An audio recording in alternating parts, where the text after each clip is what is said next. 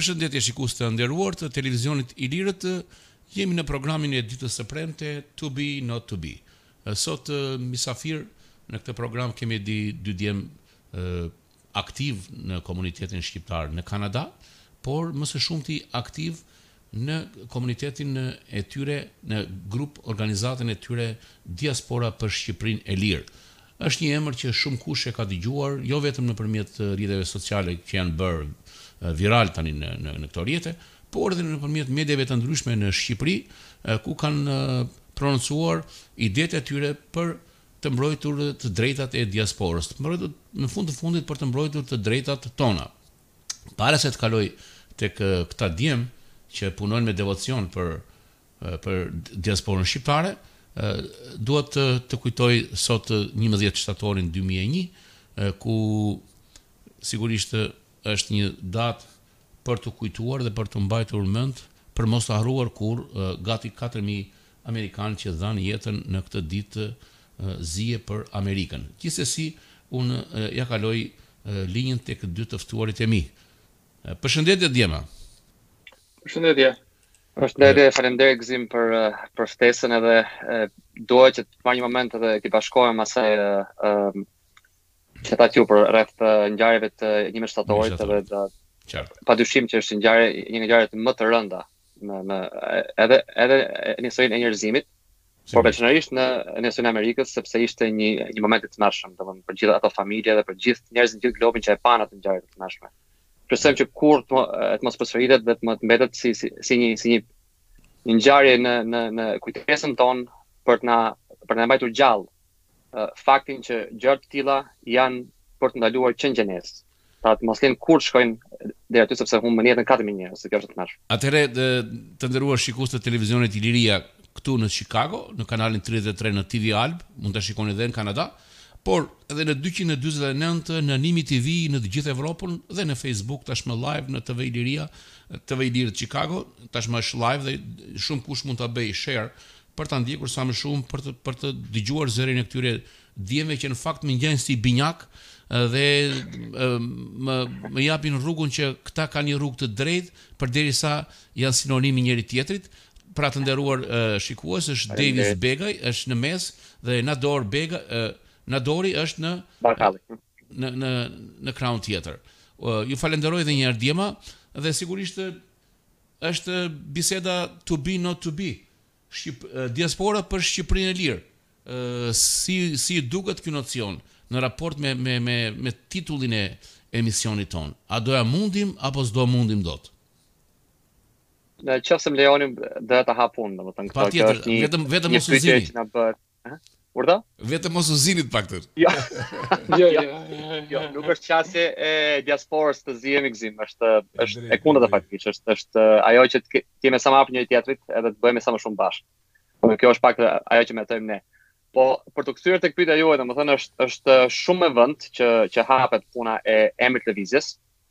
Edhe shumë shpesh na e bëjnë këtë pyetje, na thonë ç'ne diaspora për Shqipërinë, biles ca thonë që është e lirë Shqipëria.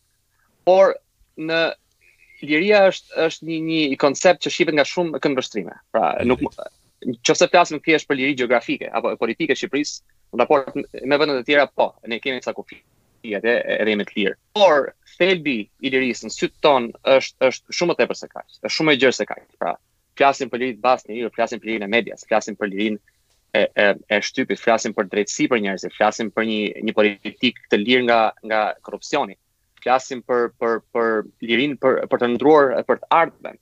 Këto gjëra sot faktikisht për fatkeqësinë tonë edhe për, për, për, për dhimbjen e vendit të origjinës tonë, këto Shqipëria s'i ka. Pra, kjo si lëvizje mëton që këto gjëra t'i rikthejë sa më shpejt në një kohë sa më shkurtër sepse janë humbur 30 vjet. Pra, që kur është ndërruar sistemi në në në vitet 90 deri më sot ne përsëri lëngojmë për gjëra të cilat vendet vendet i kanë i kanë tashmë të garantuar prej qindra vjetësh. Prandaj edhe diaspora quhet diaspora për Shqipërinë e lirë, sepse ne besojmë që ka një një grup themelor lirish që mungojnë atje. Kjo është domethënë thelbi i i emrit. A do ta bëjmë? Patjetër që do ta bëjmë. Patjetër unë nuk shoh asnjë rrugë tjetër. Mund të jetë rrugë e gjatë, mund të jetë rrugë rrugë rrugë e mesme, por ë uh, me fokusin që ka diaspora ndaj vendit tashmë, pra që nuk është më në rolin e vëzhguesit thjesht, edhe reaguesit virtual, diaspora sot ka kthyer uh, uh, jo vetëm sytë, por ka kthyer shpatullat dhe është përveshur punës për t'i dhënë Shqipërisë këto liri të cilat domethënë ne besojmë që mungojnë. Unë unë kështu e shikoj këtë. Qartë. Edhe ju Davis? Po, pak a shumë domethënë ato që tha dhe Dori, ë uh, kemi 30 vjet domethënë që nuk shikojmë asnjë lloj ndryshimi në Shqipëri. Ë uh, janë dy parti ose tre parti tash që thjesht kalojnë stafetën njëri-tjetrit. Gjërat janë po, statike, uh, pronat uh, pronat uh, që janë prona publike glabërohen, privatizohen. Uh, do më thënë ka ka shumë gjëra që duhet ndryshojnë atje. Fjala e lirë, mediat, ë uh, do më thënë ka ka pasur shumë raste do më thënë kur mediat kanë nxjerr artikuj dhe dhe të nesërmen uh, ai person ose ai gazetar është është rrahur është është e kanë hequr Nga puna, do më thënë, aty janë ca gjëra, do më thënë, që këtu në Kanada, këtu, do më thënë, Kanada, në Amerikë, media është e lirë, çdo njeri mund të japë mendimin e tij, kurse atje nuk nuk nuk nuk funksionon kjo gjë. Fatkeqësisht nuk funksionon, edhe pse jemi në 2020-ën. Qartë më më më bëjnë me shenjë nga regjia që të dy mbiemrat tuaj janë janë vënë janë vënë Begaj në në në titra, gjithsesi ju jeni me sa duket me atë që thatë jeni vëllezër të një ideali, nuk jeni vëllezër të të një llasnehmi, por të një ideali. të na falni për atë, po un po i flas thjesht Davis dhe Nador, këto mundësi teknike kemi, kështu që jemi live dhe është e pamundur që të ta ta korrigjojmë këtë. Unë dua të dua të futem direkt tek te puna juaj djema. Nuk e di ju e shikoni në monitor, un kam prezantuar sensibilizimi ndërkombëtar, sensibilizimi institucional dhe sensibilizimi në diasporë. Me radhë Nadori i pari Ku jemi me këto pika? Sepse këto janë pikat më të rëndësishme për një organizatë si puna juaj që që synon të bëjë gjëra themelore në Shqipëri, të vendosë demokracinë në me në kufijtë e saj. Ku jemi në në këtë prizëm? Patjetër, unë unë fatkeqësisht nuk i shoh pikat, po i kam i kam në kokë, domethënë, okay. por unë do të them që pika e parë që thatë ju ishte sensibilizimi ndërkombëtar. Ndërkombëtar. Ë uh, Lëvizja ka ka uh, tre muaj e gjys që është krijuar Gëzim edhe po tre muaj gjys pra që nga shembja famkeqe e teatrit kombëtar ai shërbeu si një shkëndijë nga një thirrje emocionale po, po u kthye në një gjë shumë më të organizuar shumë më strukturuar ku ku, ku kemi uh, pjesëtar nga nga të paktën 15 vende të botës mm-hmm. që janë janë uh, aktiv në, në lëvizje uh, faktorizimi ndërkombëtar ka qenë ka qenë jashtëzakonisht i, i suksesshëm në sytë tona pra ne kemi bërë një seri shkresash aktorëve me peshë politik ndërkombëtare si në në Amerikën e Veriut, edhe në në Europë. Kemi pasur takime me me me direkte me me tre deputetë të Parlamentit Europian, qasje që s'e ka pas pothuajse asnjë lëvizje tjetër mes partive politike, është shumë e rëndësishme. Po. Ë uh, një prej këtyre është është zoti McAllister, që mhm. është edhe kryetari i, i komisionit të, të marrëdhënieve të jashtme të Parlamentit Europian që ka të bëjë drejtpërdrejt me çështjen e integrimit të vendit. Pra është një figurë politike me shumë peshë dhe ai na ka dhënë zë edhe na ka dhënë dhe veshin e tij për ta mhm. për të na dëgjuar. Kjo është shumë e rëndësishme. Ne i kemi paraqitur të gjitha problematikat e vendit, i, i kemi bërë kërkesat tona, madje na kanë ofruar edhe edhe ë uh, ë uh, uh, mundësinë për të bërë edhe pyetje të caktuara kur të jetë gjatë seancave të rregullta të, të dëgjimit të Shqipërisë në Parlamentin Europian. Qartë. Pra të vinë nga nga Lëvizja. Domethënë aksesi dhe Ju keni marrë rolin e avokatit, domethënë deri në këtë pozicion me me Kallister ju ka dhënë rolin si avokat të palës shqiptare dhe kjo është gjë shumë e mirë sepse vetë vetëm kështu mund të besohet me me njerëz që janë të shkolluar, me njerëz që e mendojnë për demokracinë. Jo njerëz që mendojnë për ndonjë pozitë aty, ishalla bëhemi ndonjë ndonjë drejtor drejtorie atje dhe e kaluam klasën, e kupton? Ti s'ke nevojë në Kanada, unë s'kam nevojë këtu në Amerikë, por të luftojmë për demokracinë aty vend të munguar. Më fal, vazhdo. E, jo, jo, të lutem, e, e the shumë drejt, sepse domethënë, ne jemi të gjithë vullnetarë në këtë, si më pranë, ne s'kemi asnjë pritshmëri për, për ndonjë ofiq, ndonjë post, apo ndonjë, ndonjë shpërblim, që mund të na vijë nga, nga kjo lëvizje. Ne jemi të mirëstabilizuar në vendet ku jetojmë, jemi, jemi me familjet tona, nuk kemi ambicje për, për, për të kapur copa torte të pushtetit në Shqipëri, se s'na intereson fare kjo, sepse ajo ajo lloj kafshimi i pushtetit që është bërë atje na ka sjellë në këtë lloj gjendje që jemi sot këtu. Pra kjo është çështje krejtësisht e huaj për ne në këtë kuptim. Ne jemi bërë avokatë të Shqipërisë në çdo uh, uh, arenë ndërkombëtare që na është dhënë mundësia me me uh, atë uh, kujdesin që të të mos denigrojmë vendin Por ama të themi të vërtetën. Edhe të vërtetat tona janë janë të hidhura kësi. Domethënë ne nuk mos nuk mund të themi që që që media është e lirë në Shqipëri. Nuk mund të themi që s'ka korrupsion në Shqipëri. Nuk mund të themi që që që uh, shqiptarët s'duan të ikin. Njerëzit janë me valixhe në dorë. Domethënë në 7 vjet llogariten të kenë ikur 500.000 veta. Ndërkohë që projeksionet e OKB-së e, e nxjerrin ca projeksionet e OKB-së e nxjerrin Shqipërinë deri në fund të shekullit me 800.000 banorë. Kjo është absolutisht tragjike, domethënë. Kjo është zbrazje masive e vendit. Edhe unë unë s'di ça emri t'i vë kësaj përveçse absolutisht tragjike. Domethënë të zbrazet vendi në këtë mënyrë e të ikin njerëzit sepse aty është është vrarë shpresa. Pra ne këtë e kemi nxjerrë si pikë, edhe edhe në takimet tona ndërkombëtare. Por ama shqiptarët i kemi veçuar. tarët i kemi veçuar si si njerëz që e meritojnë më tepër se sa kushdo integrimin në në Bashkimin Evropian, edhe këtë ua kemi thënë edhe eurodeputetëve. Qeveria ka një krah, opozita ka një krah, të dyja kanë përgjegjësitë e veta, por ama shqiptarët e meritojnë integrimin. Dhe kjo është e padiskutueshme. Qartë. Ë Edhe një dua të ngelem përsëri me ty pastaj të japim fjalën Dejvisit në në lidhje me të njëjtat pyetje sepse domethënë kjo na intereson në fund të fundit veprimtaria juaj në dobi të të të shqiptarëve sepse ju ju jo vetëm mbroni diasporën ku jeni pjesë e diasporës por luftoni për një Shqipëri më demokratike më të lirë më të ndershme me njëri tjetrin kështu që dua të flasësh çik për sensibilizimin në diasporë Sa sa e ka e ka përthithur rinia shqiptare në diasporë. Unë kam vënë re që rinia shqiptare në diasporë, kudo, në Kanada apo në Amerikë, është më e interesuar që të sillësh një koncert nja katër pesë këngëtarë, bëhet tym atje nuk merret vesh se ça bëhet, sa bukur sa bukur, dhe për gjëra patriotike që ndihmojnë kombin, ndihmojnë vëllezërit, motrat, njerëzit e tyre, këta persona që janë të zjarrtë në në në grupime të tilla artistike, sa janë të zjarrtë me me me diasporën për Shqipërinë e lirë. Fatkeqësisht ajo që që ju përmendni është është deri diku e vërtetë, pra kjo si të thua ta marrësh euforizëm patriotik kur vjen puna tek koncertet apo tek evenimentet madhore të kësaj natyre del gjithmonë në pah, Por është po aq e vërtetë që që kjo vendit nuk jep asnjë gjë. Pra nuk bën asnjë diferencë nesër për Shqipërinë tonë që me të vërtetë vuan edhe lëngon. Diaspora për Shqipërinë e lirë ka bërë çmos e, që rinia, fokusi tek tek rinia në diasporë të jetë i tillë që që ne edhe kauzat t'i bëjmë t'i kthejmë në një format edhe t'i ofrojmë në një format që është tërheqës për ta. Po. Pa çfarë të them, ne nuk është se, se kemi qasjen e, e një partie, Gëzim ku jemi kemi një një strukturë vertikale, vertikale dhe domethënë ajo që quhet top down yeah. strukturë ku ku kryetari jep ato urdhëresat dhe ka një grup të ngushtë atje, edhe ata domethënë caktojnë të gjithë platformën e partisë. Ne jemi një lëvizje qytetare me strukturën më horizontale të imagjinueshme. Pra kemi një grup bërthamë që drejton, por kemi edhe 14 grupe pune, të cilat po. operojnë në mënyrë individuale. Mm -hmm. Edhe ajo që ne shohim që janë rreth 100 intelektualë uh, aktivë këtu është që unë po them që me një hamendësim rreth 90% të tyre janë nën moshën uh, 40 vjeç. Pra, po flasim për grup të ri. relativisht të ri, të ri që është angazhuar në këtë lëvizje.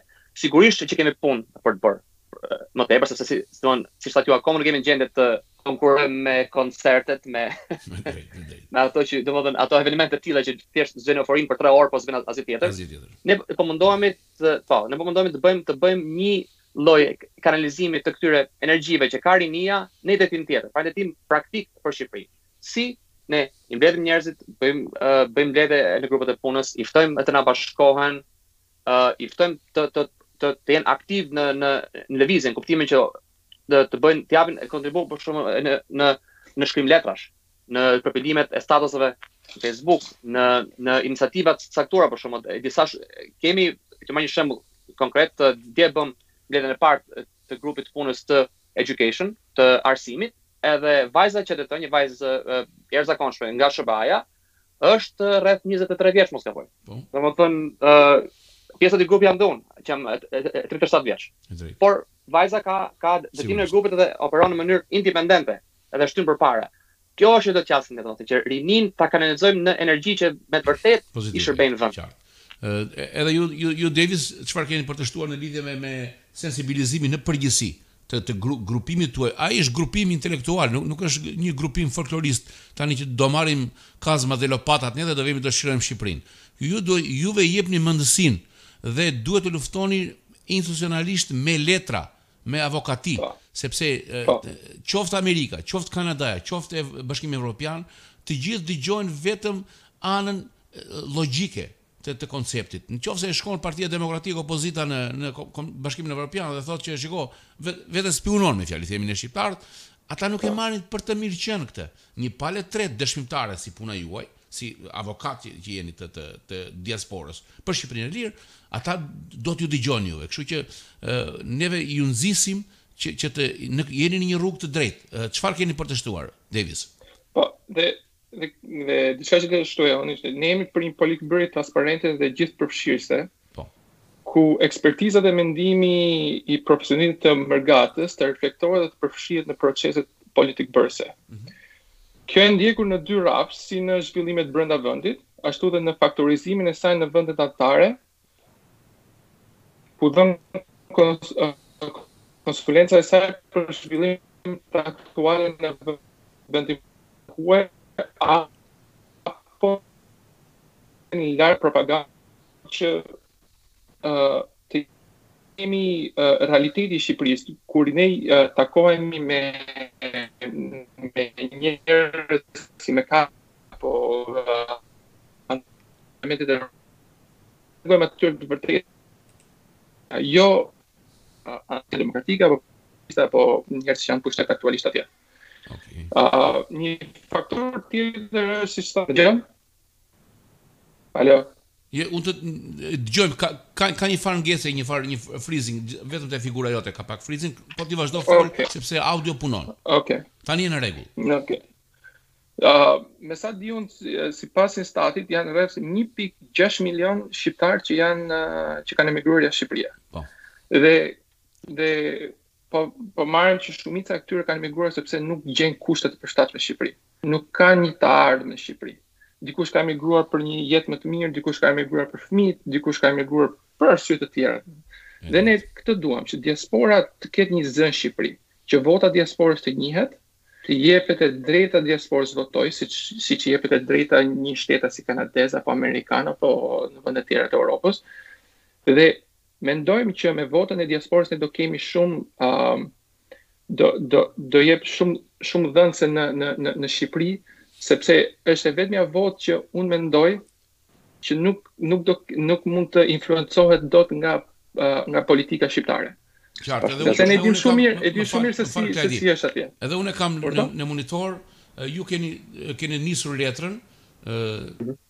dhe kërkoni dhjetë deputetë në një zonë të trembëdhjetë mos gabohem në Shqipëri pra në zgjedhjet e njëzet e pesë prillit ju kërkoni që qeveria shqiptare të përpilojë ligjin për zgjedhjet me një zonë të trembëdhjetë dhe me dhjetë deputetë të të vendosur nga diaspora meqenëse shkuat atje le ta marrim me radhë si diskutim këtë pyetje, është shumë interesante sepse në fund fundit është e vetmja gjë që qeveria shqiptare nuk mund të tallet me një pikë gjashtë milionë shqiptarë. Janë shtete më të dobëta që me postë e bën Kosova, që s'ka, nuk ka buxhetin e Shqipërisë dhe mundësitë ekonomike dhe financiare të Shqipërisë, Maqedonia dhe shumë shtete të tjera më të më të dobëta e bëjnë këtë punë sepse në fund të fundit është gati pesëdhjetë për qind e popullsisë, një pikë gjashtë milionë banorë janë gjysma e popullsisë. të themi, edhe pjesa më aktive dhe pjesa më intelektuale. E di sa kollaj e ka Shqipëria, qeveria shqiptare të gënjejë pensionistët, me një kafe ekspres i gënjen. Edhe shkojnë votojnë ata, për kë të duan ata. Nuk është nuk është problem. Kështu që jepi në dorë, lutem. Kjo është pyetja më e rëndësishme, më e qenësishme. Është është shumë shumë shumë e rëndësishme Gëzim. Edhe kjo ka dy aspekte. Ë uh, meqë përmendëm rastin e Kosovës, unë do t'ju marr një shembull, uh, ne sot flasim, domethënë një nga pengesat kryesore të votës së emigrantëve nga vendet ku banojnë është përpilimi i dokumentave. Pra, karta e uh, identitetit edhe pasaporta si dokument për për të për, për të votuar. Sot që flasim, uh, ne nga Kanadaja, nëqoftëse duam të bëjmë kartën e identitetit dhe të votojmë në zgjedhjet e 25 prill, duhet të ikim të marrim makinën, të shkojmë 9 orë deri në New York. Të bëjmë kartën Atje edhe karta na vjen me postë të shkojmë për një herë të dytë për të bërë prap nëntë orë për të bërë pashaportën të kthehemi këtu. Ndërkohë që Kosova që thatë ju që nuk ka as as gjysmën e buxhetit të Shqipërisë, është një është një vend i ri relativisht me qeveri të re, ka shërbime konsullore jo vetëm në ambasadë në kryeqytet në Otava, po ka shërbime konsullore në Toronto, pra atje bën e pashaportën e Kosovës e bën në downtown në Toronto, ndërkohë që Shqipëria 100 e, e 8 vjet shtet, duhet të shkojë të marrë rrugën nëntë orë shqiptarët për të bërë atë. Domethënë shikoni çfarë disbalancë kemi edhe në gjëra praktike. Shumë shqiptarë nuk mund ta bëjnë këtë punë sepse të të shkosh 20 orë rrugë për të votuar, edhe kur nuk je i sigurt që a do numërohet ajo vota apo jo. Pikërisht. Kjo është më e keqja. Kjo është është gjë kjo shumë e keqe dhe është bërë me qëllim kjo gjë, se bëhet fjalë për rreth 100 mijë euro investim. është thjesht një printer që printon kartën e identitetit edhe edhe pasaportën. Domethënë për kaq e kanë lënë edhe e kanë lënë kastile, s'ka asnjë dyshim kjo. Kjo, pra, sigurisht s'e kanë lënë se s'kan mundësi të blejnë një printer në Toronto, jo. E kanë lënë për tjera gjëra. Që ti mos të shkosh aty. Pikërisht. Është është bërë është bërë kastile kjo punë. Duke thënë këtë, kjo e bën edhe më më të rëndësishëm ë diskutimin rreth votës së diasporës. Pra, Po flasim për një pikë gjashtë milion shqiptarë që jetojnë jashtë kufijve të Shqipërisë administrative. Këta, këto njerëz, sikur, sikur në mënyrë hipotetike, ta marrim dhe të themi që uh, 100.000 votojnë nga këto njerëz, arrijnë të votojnë do të bëjnë, imagjinoni ju se se, se çfarë E lëviz uh, balancë shumë, e lëviz balancën. Po. E lëviz balancën çfarë peshë kanë këto vota në balancën po, politike në Shqipëri. Kjo është njëri aspekt. Tani, pa dalë tek tek deputetët ë përfaqësues ato 10 emra që ju thatë, unë dua të them edhe diçka për punën e votës, pa shkuar atje për një moment. ë sipas partive politike atje, dëshira e tyre është që ato të vazhdojnë me me praktikën anadollake që mbushin avionin apo autobuzin e partisë. Po, edhe e nisin nga Italia, edhe nga Greqia. Dhe i, i thon, i thon, i thon atij Belikan, dëgjo, Hajde të të të të premten, takon nënën, familjen, ë edhe ç'ke atje. Edhe ik. Të dielën voto për X-in ku të them unë, bëj një fotografi, yeah. ma dërgo, edhe unë të blej biletën e kthimit, e të nis sërish andej nga erdhe, e kalofsh mirë, shifemi për 4 vjet. Drejt. Edhe A, kjo, edhe boll i ka 100.000 vota ai, sepse me Italinë dhe me Greqinë i bën 100.000 ai. Pikërisht. Pra kjo po. është ajo që duan partitë politike. Prandaj ato nuk e duan votën nga vendbanimi, sepse jemi të pashantazhueshëm ne. Pra nuk mund të më ofrojë njëri ryshfet Maxim, se si për pjatë fytyrës. E drejt. E kupton? Ty Devisit kujtdo është jemi të pashantazhueshëm. Do jemi votë e pakontrollueshme. Pra, pengmarrja emocionale që ata i bëjnë emigrantëve që janë sidomos atyre të Greqisë e Italisë, ato ne s'na e bëjnë dot. E di shumë mirë. Kjo është fakt, kjo është një. E dyta tani, të dalim tek puna e, e përfaqësimit. Ne jemi rast unik, domethënë unë un, gjithmonë kur dal edhe pëlqen shumë të, të përdor shprehjen e profesorit të nderuar uh, Gaz Kaplani. Po. Gjej rastin ta përshëndes. E përshëndesim shumë profesorin e nderuar. Profesorit që ne jemi vend diasporaksin, pra jemi rast pothuajse unik ku mbi gjysma e popullsisë jeton jashtë kufijve të Shqipërisë administrative. E drejtë. Pra ne ne dhimshme, po kemi po, pra të mos kemi asnjë zë atje, është në në kufijtë e absurdit domethënë. Është është është as as në në praktikat më jo demokratike nuk ndodh kjo, që të kesh 1.6 milionë njerëz krejtësisht të papërfaqësuar. Plus se ne s'jemi e diasporë e shkëputur. Pra nuk është se ne kemi vënë një mur atje. Edhe s'na intereson çfarë për Shqipërinë, ne kemi atje familjet tona. Kemi e kemi miqtë tanë, shumë të ngushta, janë shumë të ngushta, janë shumë të ngushta. Shumë të ngushta, më çëm çëm çëm remitanca, domethënë që janë gati mbi mbi 50% të të, të GDP-së. Ato janë më të larta se sa po. investimet e huaja direkte, domethënë është është një masë e madhe lekësh që që kontribuohet atje. Nga ne. S'kemi asnjë zë. Mënyra më e saktë për ne për ta bërë këtë është zona, ajo quhet zona e 13. 13. Një nga idetë që është hedhur është të ketë 10 deputetë, pra që të ketë një lloj proporcionaliteti me me uh, praninë shqiptare në diasporë, ka zëra ka zëra edhe brenda lëvizjes, duhet t'i përmend për hir të transparencës që kërkojnë edhe më shumë se aq. Qartë. Pra ka zëra që flasin që të kemi 20, të kemi 25, që të jemi me të vërtetë zë i fortë. Por patjetër që ne duhet të fillojmë diku. Kështu që ne hodhëm numrin 10 si si starting point, si quhet pra si si mhm. si qartë. Le të rrugës. Nisim këtë punë. Por të futur në pat, nisemi, të ecim diku. Ecim diku. Tani s'do të thotë që këta deputetë t'i ketë Diaspora për Shqipërinë e Lirë. Diaspora për Shqipërinë e Lirë është është këtu për të mundësuar këtë format. Këtë operacion, po. Dhe të të zgjedhë të zgjedhë e diaspora të zgjedhë kush do. Qartë, domethënë nëpër komunitete të ndryshme do zgjidhen ato personalitete që me gjithë mend janë të tillë, që meritojnë që të tillë, domethënë, padyshim që lëvizja jonë i ka i ka ato personalitete, po është puna të shkojmë deri aty një herë. Pra që të mundësohet kjo, pastaj vendosim se kush shkon atje, si zgjidhen etj etj. Po. Diçka tjetër që unë un, dua të shtoj për votën para se të vërë Devisa dhe dhe kërkoj falje që u zgjata, është që ne një nga propozimet që që po e shqyrtojmë për punën e votës është që votat të mos dalin nga vendi ku hidhen. Pra në qoftë se votat që hidhen në Amerikë, në qoftë se këta e mundësojnë votën me 25 prill, votën mhm. nga vendbanimet, të numërohet në SHBA. Qartë. Edhe nën vëzhgimin e rreptë të diasporës, shqiptare në SHBA dhe ambasada ambasada e çdo shteti mund mund ta numërojë atë. Ambasada e shtetit, po mund ta numërojë në gjithmonë siç siç thashë me vëzhgim të rreptë. Edhe atje të shkojë vetëm tabela përmbyllur sepse po u fut vota në postë. Gëzim ne të jemi realistë, domethënë ka frikë Trump, ka frikë ka frikë dhe Trump jo me jo me shqiptarët po e po. Jo me ne. Jo me ne. Kështu që po fut vota në postë dhe po mori rrugën vota të kalojë oqeanin. Domthon është e vetëkuptueshme që aty ka një një del element deputeti del deputete me me me rrugën për në oqean, nuk del deputet, po del deputete. Pikërisht. Dua shkoj meqenëse jemi në këtë bisedë sepse kjo është shumë me interes për diasporën. Janë dy pyetje që lindin me nismën tuaj shumë guximtare. E para e punës, këta 10 deputetë do përfaqësojnë ndonjë parti apo do përfaqësojnë vetëm thjesht diasporën? Do janë unipartiakë të themi.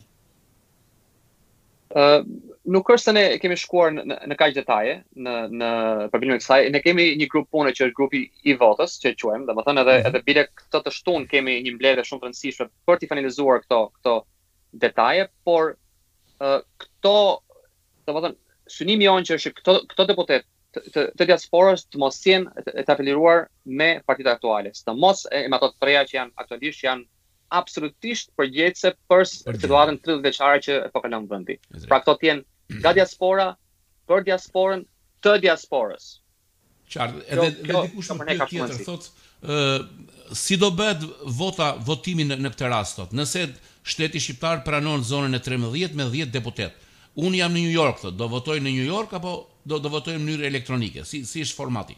Si e keni menduar ju formatin?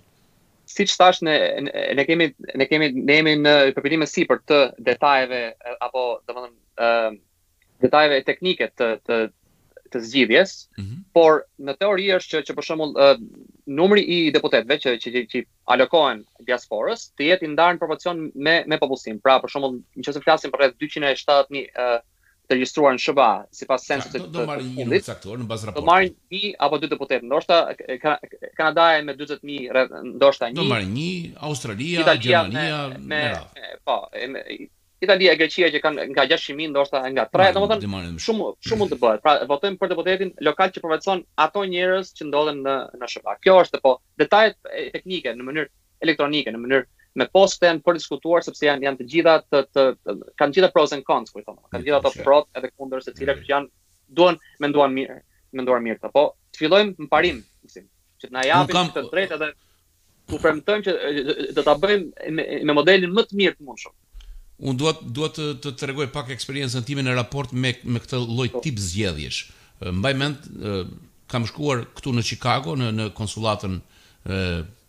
shqiptarët e Maqedonisë, kur u bënë zgjedhje, një palë zgjedhje para pesë vite, duhet të them, edhe si gazetar reporter i USPA i kam shkuar me kamerë atje dhe kanë ardhur shqiptarët dhe nga Toronto, duhet të vinin nga Toronto të vinin këtu.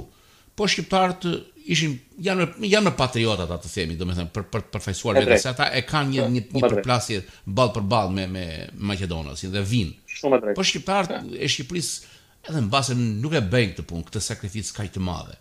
Dhe ishin ndarë qëllimisht me zona, ishte një një kandidat këtu për në Amerikë, gjithë edhe Kanada edhe Amerika kishin një kandidat për ta votuar, se Maqedonia kishte dhënë pesë raste, pesë vende më duket për diasporën. Një edhe Australia duhet të votonte këtu në Amerikë dhe në Kanada dhe kishte edhe Evropa, me një fjalë ishin ndarë pak a shumë në këtë format. Por nuk ishte ajo e reja që, domethënë që ti mund të votoje comfortable nga Torontoja për për atë kandidatin tënd në Kanada. Po duhet të vije këtu në Chicago ose në New York dhe të votoje. Domethënë kjo i shtrëngonte Disi disi këto ingranazhet e e votimit. Nëse do ishte një një formë online që të të votohesh, por këto janë shumë të frikshme, sepse me online u u sha Trampi për për katër vite që e fitoi zgjedhjet dhe thotë me rusët, me online e bllabllablla. E kupton? Ë Davis të të të lemi, të kemi lënë në mes si si si plak të mençur atje dhe duhet na thuash diçka për për zonën e trembëdhjetë dhe dhe dhjetë kandidatët. Si e keni mendimin? Uh, pak a shumë të njëjtat uh, gjëra që tha Andori, uh, uh, ne duhet të fillojmë paktën me 10 deputet, që jetë një start për neve. Uh, pastaj në vazhdimësi do mund të shikojmë qoftë se do ketë hapësirë që ne mund të shtojmë më shumë se uh, të shtojmë numrin e deputetëve, atëherë do do shikohet në në bazë se si se si do do rrjedhin gjërat. Unë thjesht një diçka doja të shtoja për atë që që që thatë ti në uh, për Maqedoninë që jep mundësinë emigrantëve që të votojnë në, në ambasadë. Unë kam disa miq që jetojnë atje dhe një, një nga gjërat që është pak do thoja që, që nuk shkon me votimin në, në ambasadë, një është udhëtimi që do bëj personi që të shkojë deri në ambasadë dhe e dyta është që këta persona që nuk arrijnë dot të shkojnë në ambasadë, uh, mund të bëhet një manipulim aty brenda, sikur sikur jam paraqitur dhe vota i ka i takojnë dikujt tjetrit. Dhe prandaj ne mendojmë që vota që që që që mos të votohet në ambasadë, por të votohet në një mënyrë tjetër, sepse votimi në ambasadë nuk ka nuk ka qenë nuk ka qenë nuk ka qenë korrekt për shumë vende. Pa dyshim, do të shtoj, Gëzim, qoftë se më lejon edhe rastin e Bielorussisë, po, edhe rastin e e, e Bielorussisë ku ku ambasadat u, u bënë me turp, domethënë për shkak të të skandaleve që dolën në rezultate, pra kishte ambasada që nga nga nga mijëra e mijëra vetë në radhë që sigurisht do votonin për opozitën atje, lejohen gati 10 veta, 12 veta, po do të marrë si mundësi, do më të autoritetet se natyre, domethënë, kështu që ambasadat uh, janë janë uh, uh, edhe një një një facilitet për për votimin, po duhen monitoruar shumë shumë ashpër sepse, sepse në vende janë besnikët e qeverisë fund fundit, i ka i ka emëruar qeveria. Pikërisht. Pikërisht. Pikërisht. Kështu domethënë që un, un jam në atë sensin që duhet gjetur rruga më e mirë, juve jeni prurja më e mirë e teknologjisë, vrijeni mendjen dhe gjeni një formë që si e si mund të sigurisht që do na do na do na ndihmojë dhe eksperienca e zgjedhjeve presidenciale këtu në Amerikë. Si do bëjë Trampi? Çfarë forme do zgjedhin ata? Do ta gjejnë dhe ata një një një rrugë, nuk nuk e lënë pa gjetur. rrugën. Siç po vrasim mendjen ne, do ta vrasin mendjen edhe ata.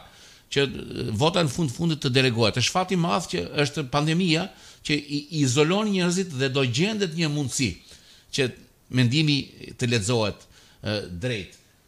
Okej, dhe unë kam dhe një dhe një fotografi tjetër, është një është një bashkëpunimi një bashkëbisedimi i juaj të themi me ministrin e e me presidentin e e vendit Ilir Meta dy fjalë rreth rreth këtyre takimeve a keni marrë ndonjë sinjal pozitiv sepse në fund fundit Ilir Meta është ai guardiani i kushtetutës shqiptare po, shumë e vërtetë, ne para se të përgjigjem doja të thoja që takimet institucionale me me institucionet në Shqipëri kanë qenë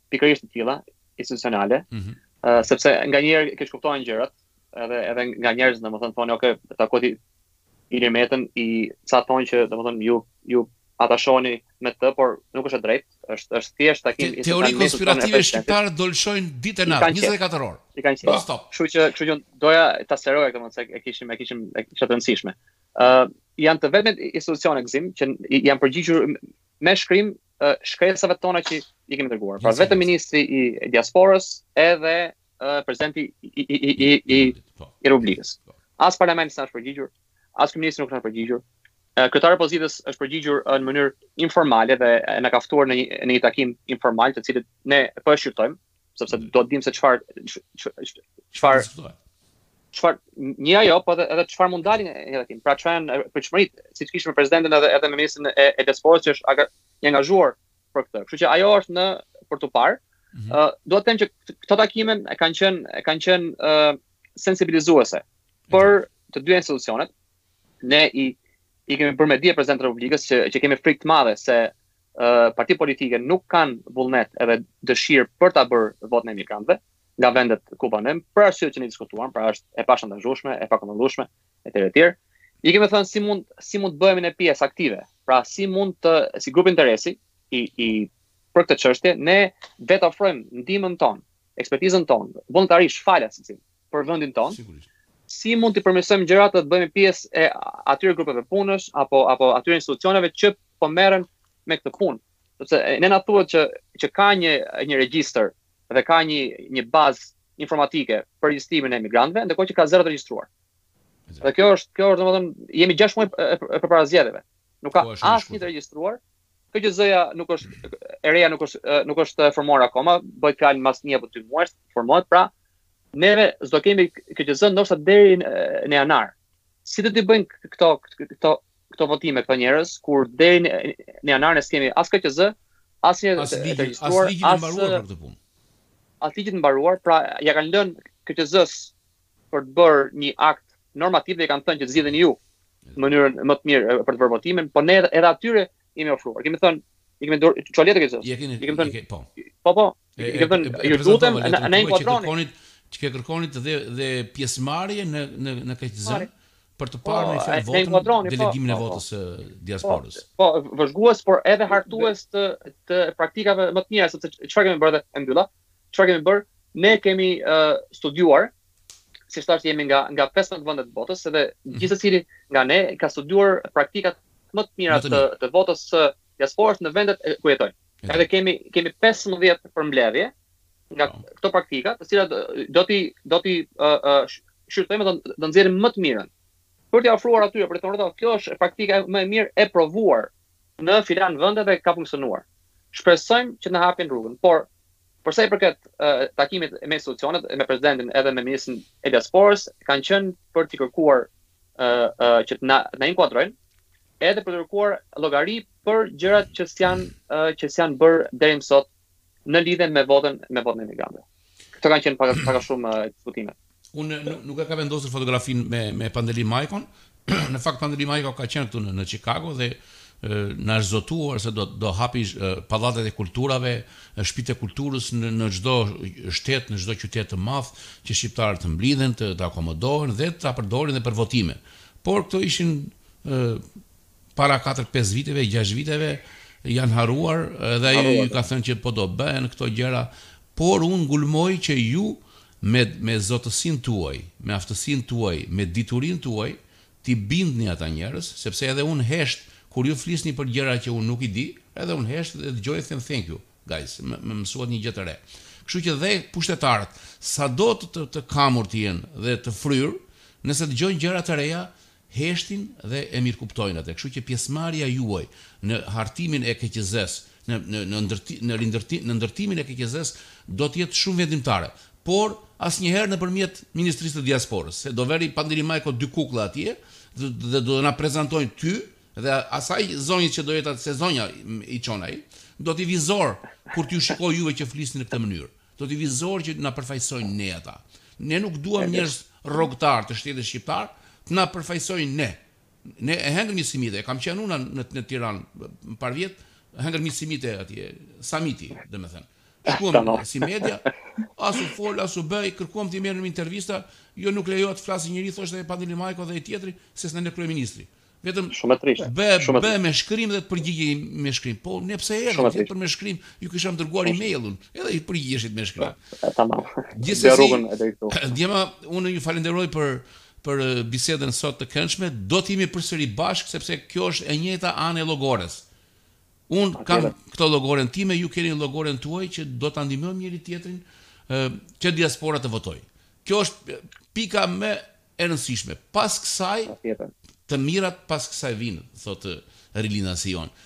Kështu që të shpresojmë që diaspora do jetë pjesë aktive, do jetë me deputetët e saj, që të mbrojë interesat e saj, të mbrojë investitorët. Nuk shkojnë investitorët në Shqipëri po qe se s'patën një suport E di kush është suporti i shqiptarëve të diasporës tani? Shkojnë për për të bërë biznese dhe i thonë direkt dillën, tridhjetë për qind e duam në aksion. Kjo kjo edhe t'i bëjnë edhe. Kjo është një idiot. Në një idiot mund ta bëjë këtë punë. Po njerëz njerëz të ndershëm që punojnë me me me me me forcë këtu dymbëdhjetë orë edhe dy dy dy punë në ditë nuk e bëjnë këtë punë.